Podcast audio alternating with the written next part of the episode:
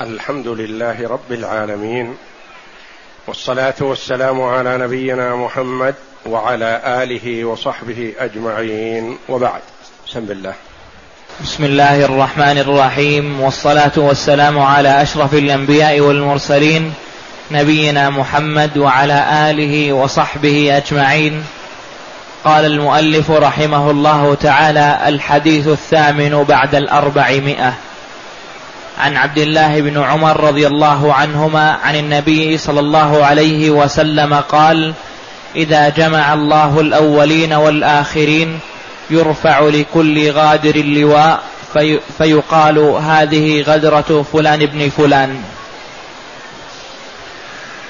هذا الحديث في الصحيحين وفي غيرهما عن عبد الله بن عمر بن الخطاب رضي الله عنهما عن النبي صلى الله عليه وسلم قال إذا جمع الله الأولين والآخرين في يوم القيامة يجمع الله جل وعلا الأولين والآخرين في صعيد واحد. ينفذهم البصر ويسمعهم الداعي. يرفع لكل غادر لواء فيقال هذه غدرة فلان ابن فلان. النبي صلى الله عليه وسلم وضح للأمة ما يحصل من فضيحة لكل غادر على حسب ما جرى عليه عرف العرب. فكان العرب يرفعون للغادر لواء ورايه سوداء وللوفي لواء وراية بيضاء. يرفعون ذكر الوفي. وينادون عليه اظهارا لوفائه ويرفعون للغادر لواء يظهر به خزيه وفضيحته يوم القيامة. راية سوداء تنادي عليه بهذه غدرة فلان ابن فلان.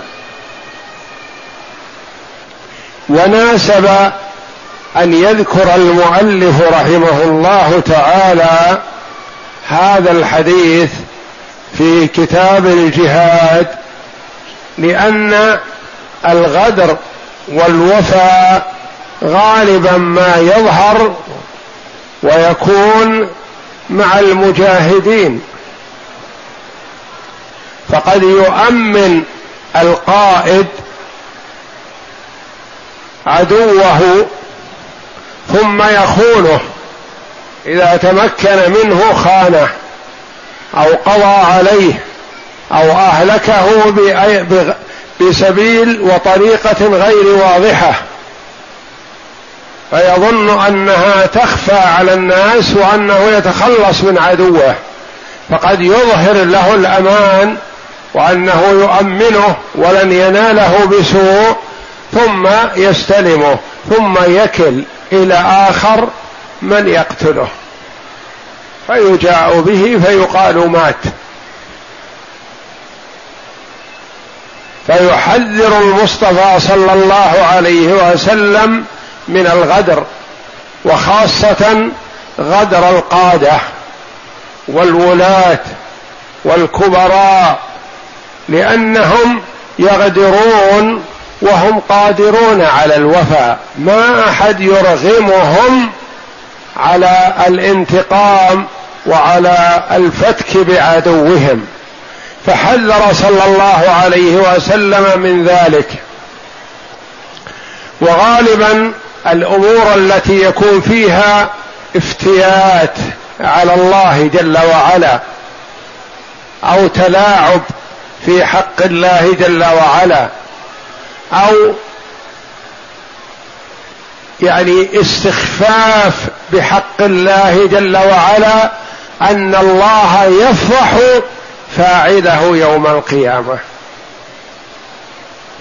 لأنه كأنه يستخفي عن الناس ويبارز الله بالمعصية. فيفضحه الله جل وعلا أمام الناس يوم القيامة كما قال تعالى الذين يأكلون الربا لا يقومون إلا كما يقوم الذي يتخبطه الشيطان من المس.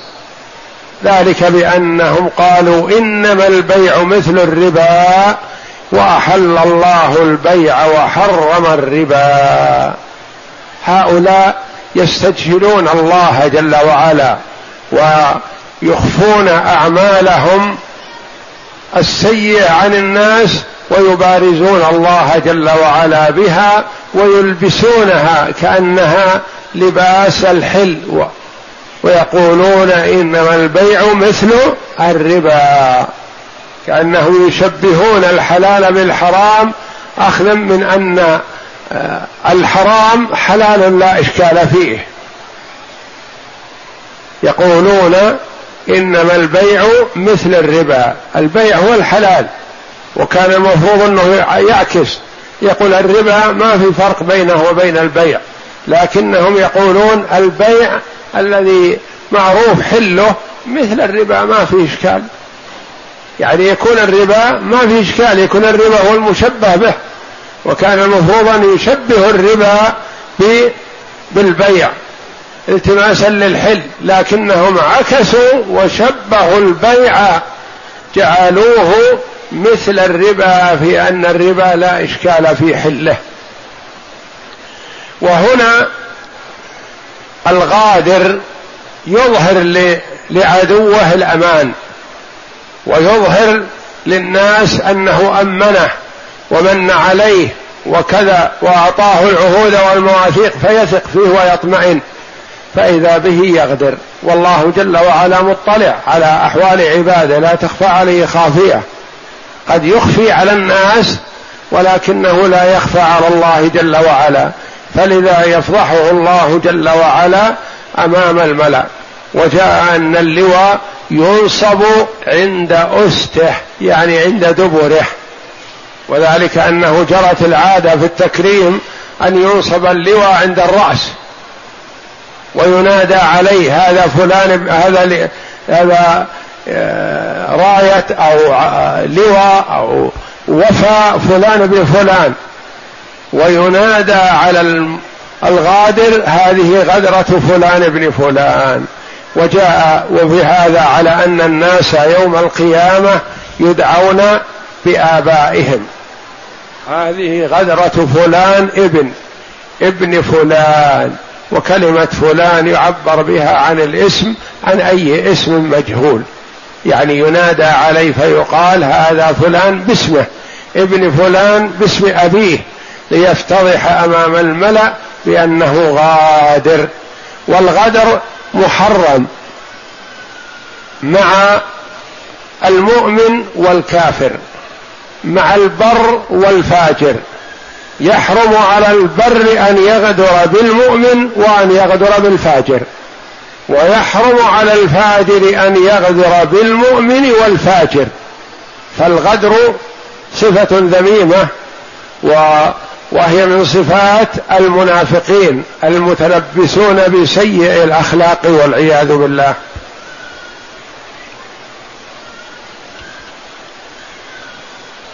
وفيه أن الله جل وعلا يجمع الأولين والآخرين في صعيد واحد يجتمعون من أولهم إلى آخرهم وأن الكل امرئ ينادى باسمه المعروف الذي يعرفه الناس به. نعم اقرأ. المعنى الإجمالي المعنى الإجمالي السلام على نبينا محمد وعلى آله وصحبه أجمعين وبعد. بسم الله الرحمن الرحيم والصلاة والسلام على أشرف الأنبياء والمرسلين نبينا محمد وعلى آله وصحبه أجمعين. قال المؤلف رحمه الله تعالى الحديث الثامن بعد الأربعمائة. عن عبد الله بن عمر رضي الله عنهما عن النبي صلى الله عليه وسلم قال إذا جمع الله الأولين والآخرين يرفع لكل غادر اللواء في فيقال هذه غدرة فلان ابن فلان. هذا الحديث في الصحيحين وفي غيرهما عن عبد الله بن عمر بن الخطاب رضي الله عنهما عن النبي صلى الله عليه وسلم قال إذا جمع الله الأولين والآخرين في يوم القيامة يجمع الله جل وعلا الأولين والآخرين في صعيد واحد ينفذهم البصر ويسمعهم الداعي يرفع لكل غادر لواء. فيقال هذه غدرة فلان ابن فلان. النبي صلى الله عليه وسلم وضح للأمة ما يحصل من فضيحة لكل غادر على حسب ما جرى عليه عرف العرب. فكان العرب يرفعون للغادر لواء ورايه سوداء وللوفي لواء وراية بيضاء. يرفعون ذكر الوفي وينادون عليه اظهارا لوفائه ويرفعون للغادر لواء يظهر به خزيه وفضيحته يوم القيامة. راية سوداء تنادي عليه بهذه غدرة فلان ابن فلان.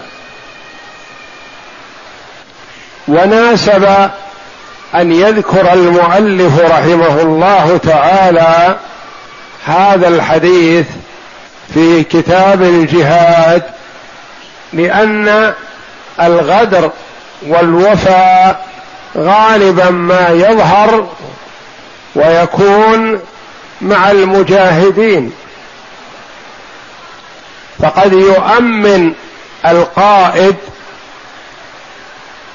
عدوه ثم يخونه إذا تمكن منه خانه أو قضى عليه أو أهلكه بسبيل وطريقة غير واضحة. فيظن أنها تخفى على الناس وأنه يتخلص من عدوه. فقد يظهر له الأمان وأنه يؤمنه ولن يناله بسوء ثم يستلمه ثم يكل إلى آخر من يقتله. فيجاء به فيقال مات.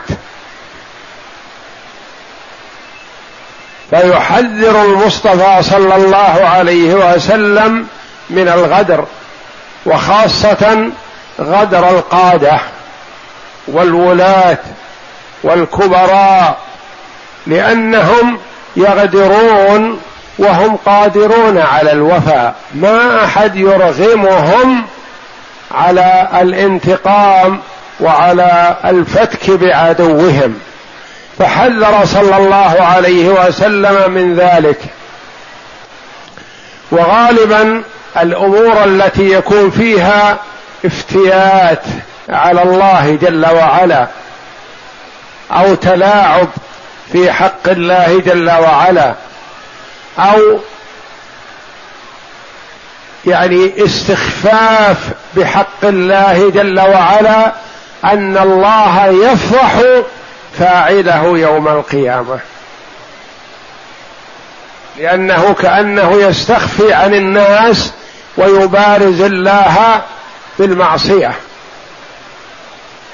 فيفضحه الله جل وعلا أمام الناس يوم القيامة كما قال تعالى الذين يأكلون الربا لا يقومون إلا كما يقوم الذي يتخبطه الشيطان من المس. ذلك بأنهم قالوا إنما البيع مثل الربا وأحل الله البيع وحرم الربا.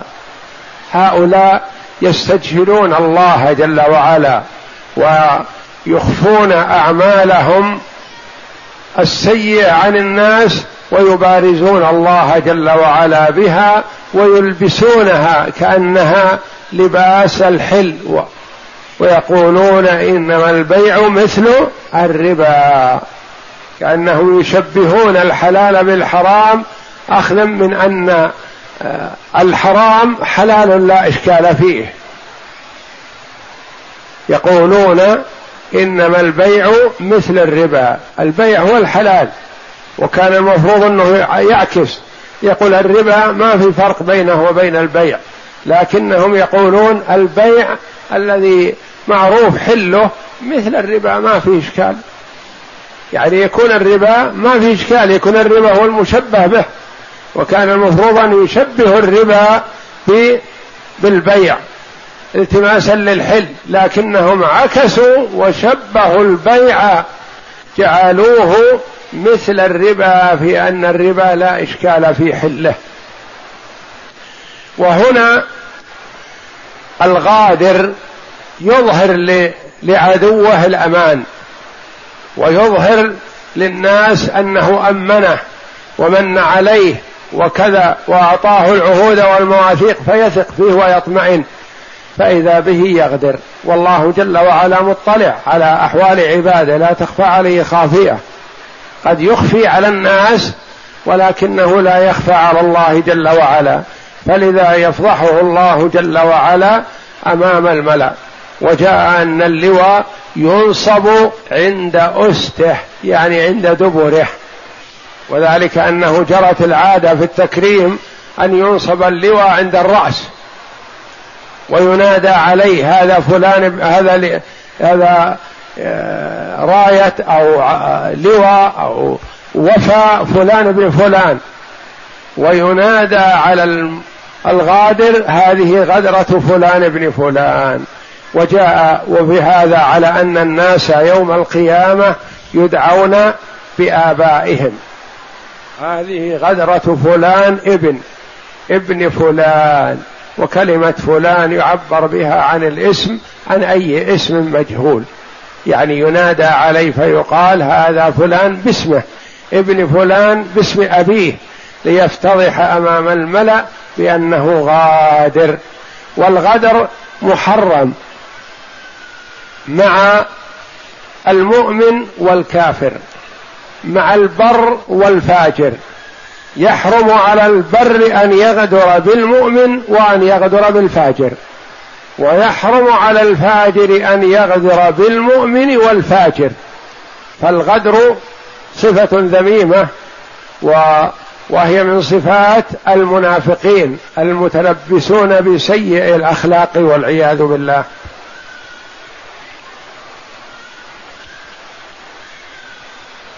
وفيه أن الله جل وعلا يجمع الأولين والآخرين في صعيد واحد يجتمعون من أولهم إلى آخرهم وأن الكل امرئ ينادى باسمه المعروف الذي يعرفه الناس به.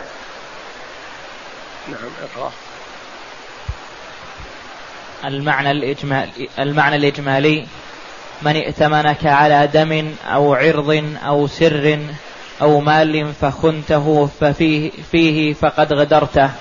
يعني الغدر أن تخون من ائتمنك على ماله ائتمنك على دمه ائتمنك على عرضه ائتمنك على أي أمر من الأمور الهامة عنده أو أسدى السر إليك وبين لك حقيقة أمره أو سلم نفسه لك أو أعطاك ماله لتحفظه.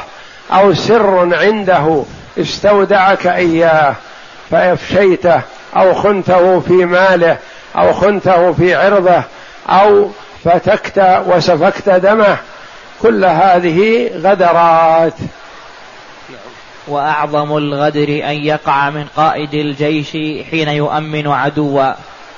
أعظم الغدر أن يقع من قائد الجيش لأمور اولا أنه قادر على الوفاء ولا أحد يرغمه. ثانيا أن غدره قد ينسب إلى الإسلام. فيقال أهل الإسلام لا وفاء عندهم ولا أمانة. أهل الإسلام كذا أهل الإسلام كذا. بينما الإسلام يأمر بمكارم الأخلاق ويأمر بالوفاء وإبراء الذمة ويأمر ويصون دم المعاهد. ودم الذمي ودم المستأمن فإذا فتك به أو خان من عاهده قال هذه أخلاق المسلمين لا خير فيها. فتنسب هذا الغدر إلى الإسلام والإسلام بريء منه. ثم يأخذه على غرة وغفلة. ولذا فإن على الغادر الخائن الذي أخفى خيانته هذا الوعيد الشديد. إذ يجاء به يوم القيامة وقد رفع له لواء غدرته فينادى عليه هذه غدرة فلان. فينشر خزيه وفضيحته على رؤوس الخلائق جزاء ما أخفى من غدر وخيانة. لأنه أخفى على الناس ففضحه الله جل وعلا علانية أمام الناس. ما يستفاد من الحديث الأول تحريم الغدر بالمهادن والمعاهد وأعظم الغدر أن يقع من قائد الجيش لأن غدرته تنسب إلى الإسلام فتشوهه وتنفر عنه بخلاف غدر الأفراد فهي منسوبة إليهم. وكلها مذمومة لكن من القائد والكبير أعظم إثما. فإن كان بينه وبين الكفار عهد فخاف نكثهم أنذرهم بأنه لا عهد لهم. كما إذا قال لم يظهروا النكث وأراد أو خشي منهم وهم غير مؤتمنون وهم غير مؤتمنين على الأمور فخشي منهم الغدر فينذرهم ويتبرأ من آه، ينبذ إليهم كما قال الله جل وعلا وإما تخافن من قوم خيانة فانبذ إليهم على سواء. أنذرهم قل لا عهد بيننا وبينكم. نخشى أن تخونونا فلا عهد بيننا وبينكم وكل منا يأخذ حذره من الآخر. نعم. الثاني ويشمل الغدر المتوعد عليه. كل من ائتمنك على دم أو عرض أو سر أو مال فخنته وأخلفت ظنه في أمانتك. الثالث هذا الخزي الشنيع والفضيحة الكبرى للغادر يوم القيامة لأنه أخفى غدرته وخيانته فجوزي بنقيض قصده وعوقب بتشهيره وهو من أعظم وهو أعظم من, من خيانة من ائتمنك. وقد قال النبي صلى الله عليه وسلم لا تخن من خانك.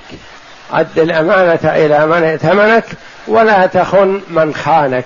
يعني حتى وإن توقعت منه خيانة أو حصل منه خيانة لا تخنه أنذره.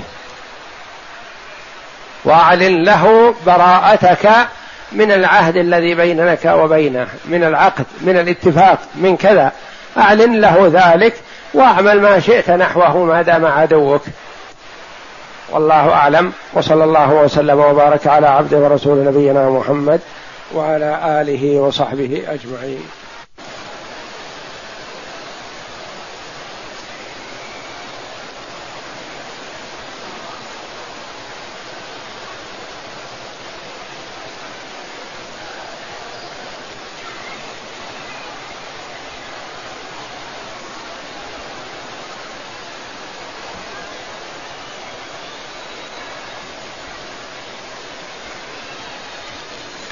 يقول سائل هل يجوز الاشتراط في الصلاة, في الصلاة على الميت عند الدعاء له؟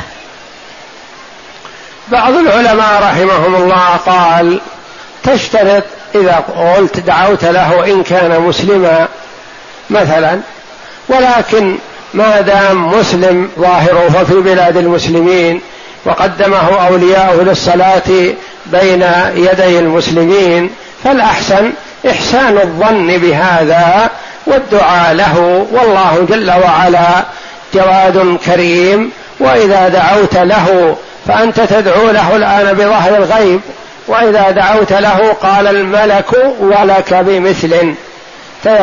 تحصل على دعاء الملك بأن يدعو لك فأنت تدعو لأخيك المسلم وما دام قدم بين يدي المسلمين للصلاة عليه فأحسن الظن به.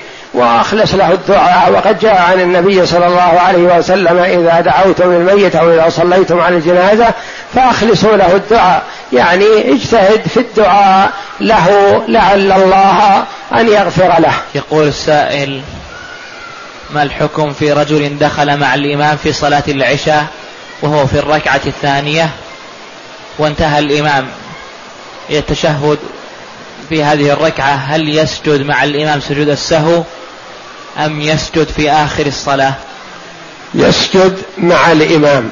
إذا سجد الإمام قبل أن تستتم قائما في الركعة التي كنت مسبوقا بها. والمأموم يسجد مع الإمام في سهو الإمام حتى لو كان لم يدركه. وفيما سهى به بعد الإمام. وأما من دخل مع الإمام من أول الصلاة وسهى هو وحده فيسقط عنه سجود السهو فلا يسجد للسهو وحده دون الإمام ما دام دخل من أول الصلاة.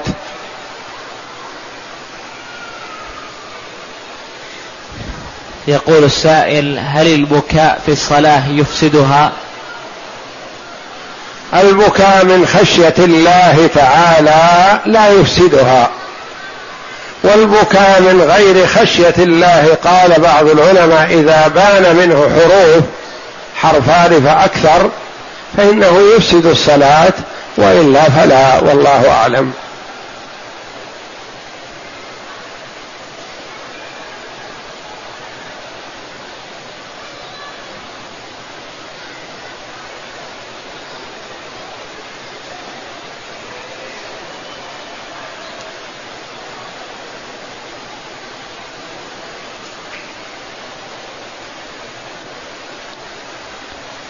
يقول السائل إذا نسي المصلي سجود السهو هل يعيد الصلاة؟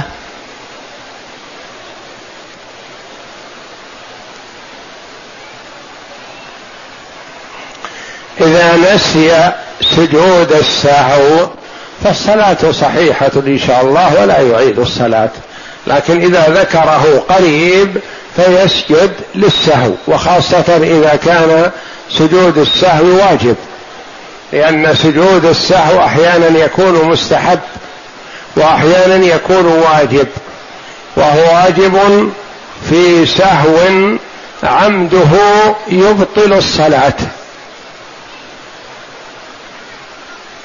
سهو عمده يبطل الصلاة يجب له سجود السهو. سهو عمده لا يبطل الصلاة لا يجب له سجود السهو. قام من الركعة الثانية إلى الثالثة بدون تشهد. نسي التشهد الأول. هذا عمده يبطل الصلاة. يجب سجود السهو له. ركع بعد قراءة الفاتحة. سهى أن يقرأ سورة مع الفاتحة في الركعة الأولى أو الثانية. هذا سهو لا يبطل الصلاة ولكن يستحب السهو السجود حينئذ.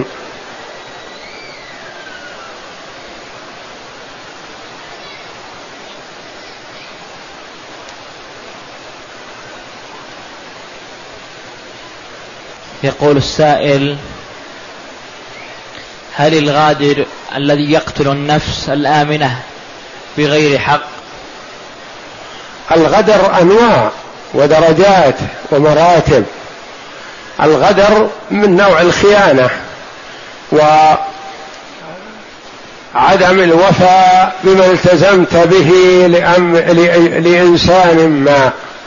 قد يكون قتل نفس وقد يكون دون هذا وقد يكون دراهم وقد يكون عشرة ريالات أو غيرها مسكك إياها من أجل أنه قام ليطوف أو ليصلي أو ليتوضأ أو نحو ذلك فغدرت فيه وأخذتها وأخفيتها وأنكرت أن يكون أعطاك شيء. فهذا كله أنواع الغدر كثيرة ودرجاته متفاوتة.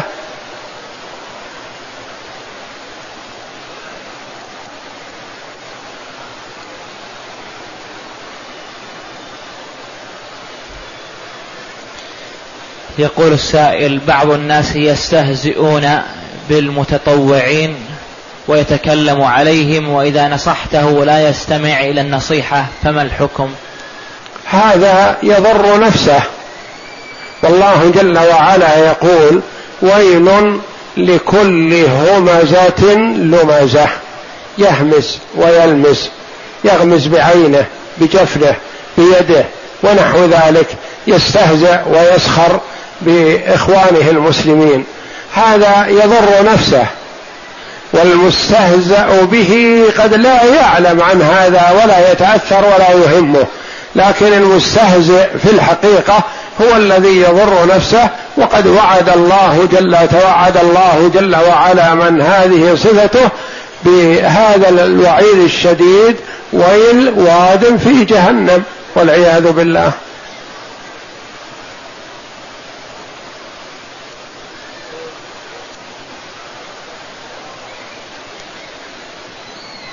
يقول السائل ما نصيحتكم لمن يسب الصحابة؟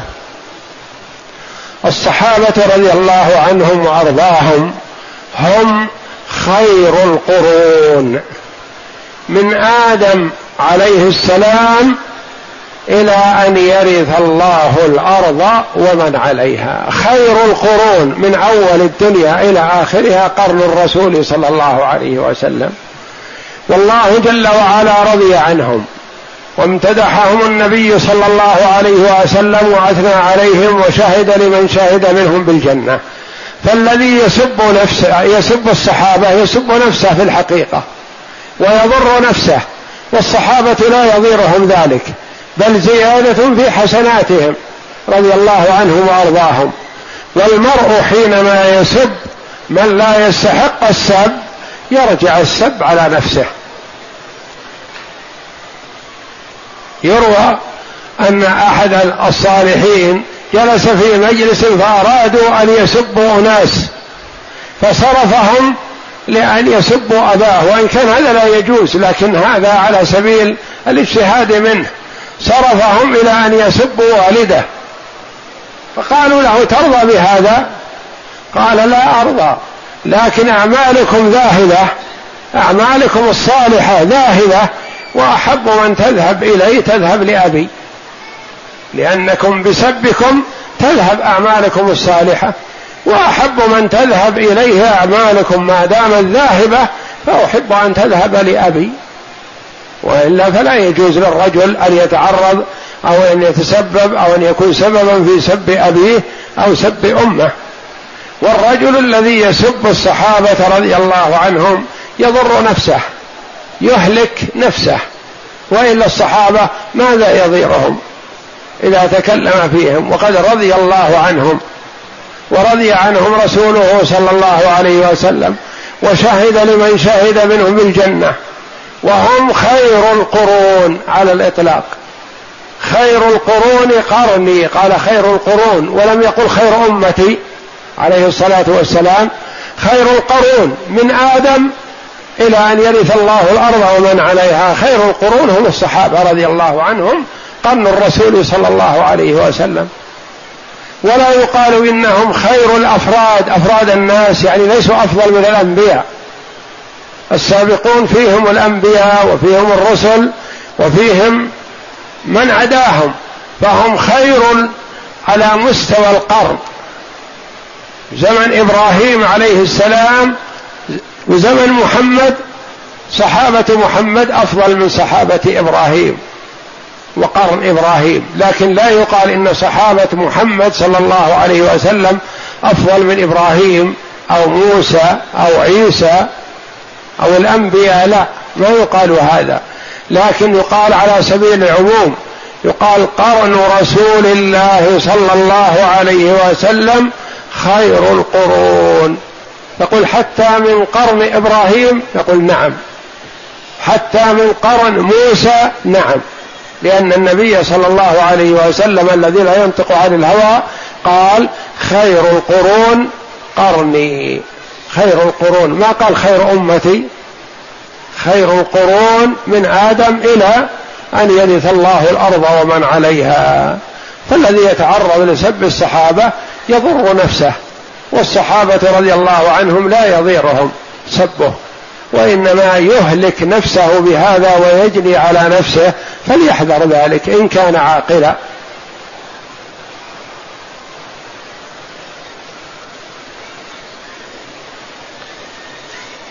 يقول السائل كم يساوي الدينار في عهدنا هذا؟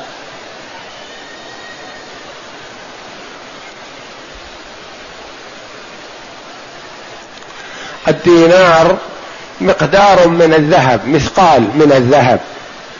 والذهب سعره يختلف يتفاوت. ما يقال إنه يساوي كذا ريال يتفاوت بحسب سعره. فهو مقدار من الذهب يعرفه الصاغة المثقال مقداره كذا وزنه وسعره يختلف بحسب سعر الذهب. فيتفاوت بحسب تفاوت سعر الذهب. فسعر الذهب مثلا الجرام يتفاوت من عشرين ريال إلى خمسين ريال إلى كذا ما بينهما يزيد وينقص.